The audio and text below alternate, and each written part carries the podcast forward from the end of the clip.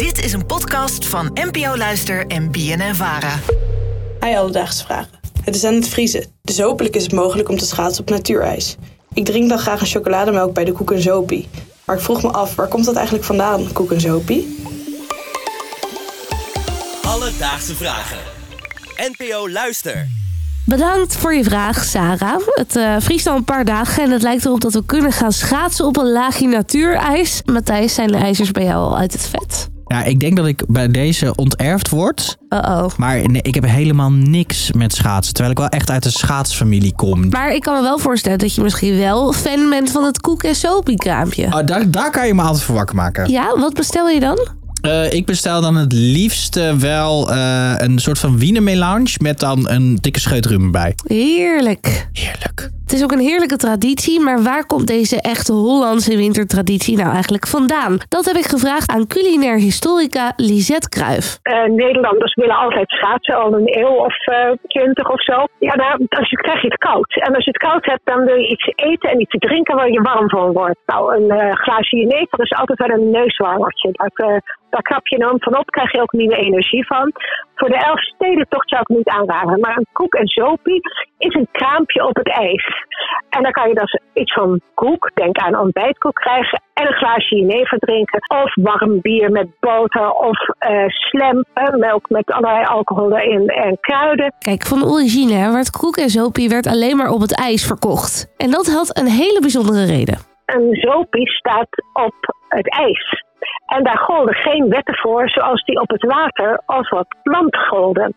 Dus iedereen kon daar gewoon een kraampje uh, openen om jenever te verkopen en koek erbij. En dan geld te verdienen, uh, terwijl er allerlei schaatsers kwamen aanleggen. Terwijl dat dan niet strafbaar was. Als je dat op een bootje deed, dan had je een vergunning nodig en deed je het op het land ook. Maar op het ijs ben je vrij. Ik vind het echt geweldig dat je ook al in de 16e, 17e, 18e eeuw ontzettend veel bureaucratie had in Nederland. En dat je dus geen, ja, dat je een soort van immuniteit had terwijl je dan op het ijs stond. Dat is toch heerlijk. Inderdaad even snel bijverdienen met uh, een, een, een zo'n sopiekraam. Ik wil graag heel even inzoomen op uh, het woord sopie. Want wat is dat nou eigenlijk? Vroeger werd een bolletje een soopje genoemd. Dus vandaar koek en sopie. Oh ja. En dat fenomeen, dat is al heel erg oud. Dat is uh, zeker al vier eeuwen oud. Zal wel echt uh, doorgezet hebben in de koude ijstijd. Denk aan al die prachtige schilderijen met veel ijs en schaatsers erop. De 18e eeuw is er een prachtig gedicht over. Je ziet ze daarvoor wel op schilderijen, maar er is een prachtig van uh, een herbergier, die ook uh, speculant was, een toneelspreker en dichter, Robert Hennebal. En die schreef in 1723 een ode aan de jenever. En daar zit ook een stukje in over de uh. Kom, leg eens aan en drink een soopje. Vind af en tree in deze tent. Dan roept dan weer een andere vent. Zo wakker, vrienden. Rust een poosje. Hier is je never uit het loosje. Nou, wat wauw. Dit is gewoon een gedicht. Een gedicht over een soapje. Dat soapje heeft in de loop der jaren al verschillende vormen aangenomen. En voor een traditioneel recept dat ik tegenkwam, heb je bokbier, rum en eieren nodig. Lijkt je dat wat als je dat zo hoort? Nou, ik heb een beetje een darm die soms wel kan spartelen. En als ik deze combinatie hoor, ja, dan uh, moet ik daar wel denk ik even een dag van bij komen. Maar je wordt er wel heel warm van. Dat gevoel heb ik wel. Je wordt er zeker warm van.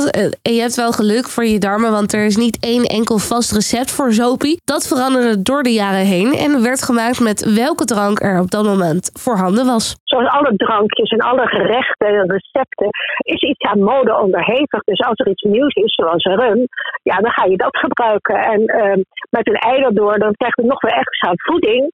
En dus als je dan een ei, melk en bier bier bijvoorbeeld doet, of uh, bier en rum. Uh, alles komt voor.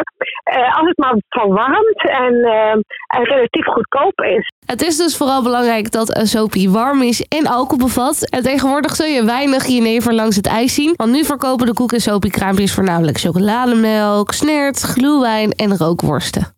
Ja, en van de rookworst word je ook wel warm, toch? Ik wel in ieder geval. Vragen. Jij zei al, Matthijs, dat jij waarschijnlijk pijn in je buik gaat krijgen van de originele zopie. Maar ik ga toch even Lisette laten uitleggen hoe je zo'n zopie zelf kunt maken. Ik begin even te denken aan uh, warm bier en boter. En dan kan je dan eventueel ook nog melk doorheen doen. Maar het lekkerste is natuurlijk gewoon om daar nog wat specerijen doorheen te doen. En als je bier een beetje warm hebt en boter smelt daarin, dat was vroeger heel geliefd. Dat kunnen we ons nu niet meer voorstellen. Ik kan het ook niemand aanraden. Maar dat was vroeger heel lekker. Ik ken mensen die ik het gevoerd heb en die vinden het heerlijk. Dus Sarah, waar komt koek en sopie vandaan? Koek en sopie bestaat al een aantal eeuwen en de eerste kraampjes werden op het ijs gezet om de wet slim te omzeilen. Op het ijs golden namelijk geen regels voor de verkoop van alcohol en daar maakten verkopers slim gebruik van. Aan de schaatsers werd een borreltje, oftewel sopie, verkocht met daarbij iets te eten. Het sopie is van oorsprong een warme alcoholische drank van bijvoorbeeld bier, rum of jenever op smaak gebracht met bijvoorbeeld boter, eieren en specerijen. De koek- en sopiekraampjes tegenwoordig staan nog steeds op het ijs, maar dan wordt er chocolademelk of glühwein verkocht. Maar wie weet keert het oude zoopje weer terug op de ijsbaan. Oh, heerlijk, lekkere piketanis. Zouden wij daar hebben bijgedragen, denk ik. Nou, denk wel ja. Ja. Heb jij ook een vraag voor ons? Stel deze dan op Alledaagse Vragen. Zo heten wij eh, op Insta bijvoorbeeld. Daar kan je ons een DM sturen. Of eh, stuur een mailtje naar Alledaagse Vragen, apenstaartje bnnvara.nl. En dan zoeken we het voor je uit. Alledaagse vragen. NPO Luister. BNN Vara. En eh, doe voorzichtig op het ijs, hè? Oh! Ben al gevallen. Oh, slechte grap. Oh. Wat een stukje theater hier allemaal. Het is ongelooflijk.